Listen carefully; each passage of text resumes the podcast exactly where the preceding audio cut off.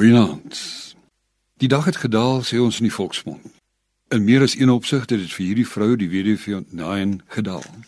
Van hierdie vrou vertel Lukas ons in hoofstuk 7 nie veel nie. Ons ken nie eers haar naam nie. Tog het sy 'n plekkie gekry in die ewige woord van God.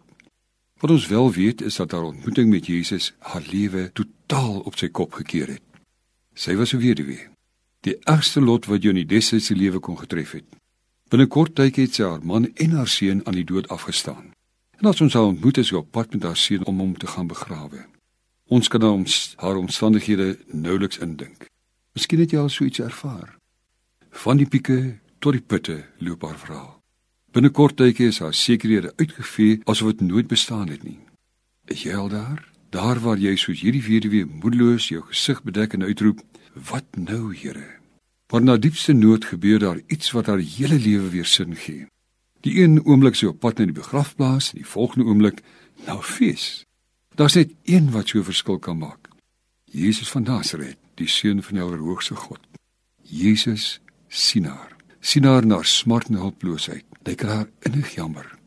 Hy ween saam met die weduwee want hy ken haar uitsiglose lot, soos wat hy ween met jou en jou smart en alleenheid en jou moedeloosheid en weerloosheid. Hy weet van jou. En toe doen hy ongewone. Laat die begrafnis toe tot stilstand kom en hy praat eers met die weduwee en vra ook om 'n ongewone ding te doen. Moenie huil nie, sê hy vir haar. Vreemde opdrag aan iemand wat geen uitsig het na 'n enigste kind verloor het nie waar nie. En tog, hy doen weer 'n vreemde ding. Hy praat met die dooie jongman op die lijkspaar. Hy sê vir hom: "Jongman, ek sê vir jou staan op." Weer wonder. Die seun gaan sit reg op en begin praat. Hy begin leef. Hy word in sy maat teruggegee en 'n verder wonder vind plaas. Sy begin ook lewe.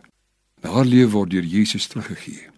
Twee mense wat dood was, een sonder asem, ander sonder uitsig, begin weer lewe.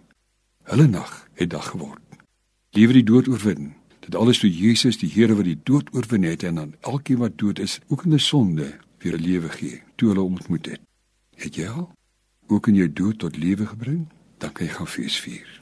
Dankie Here dat die dood nie 'n laaste sê het nie. Dat elkeen wat in U glo, die lewe kan hê vir altyd.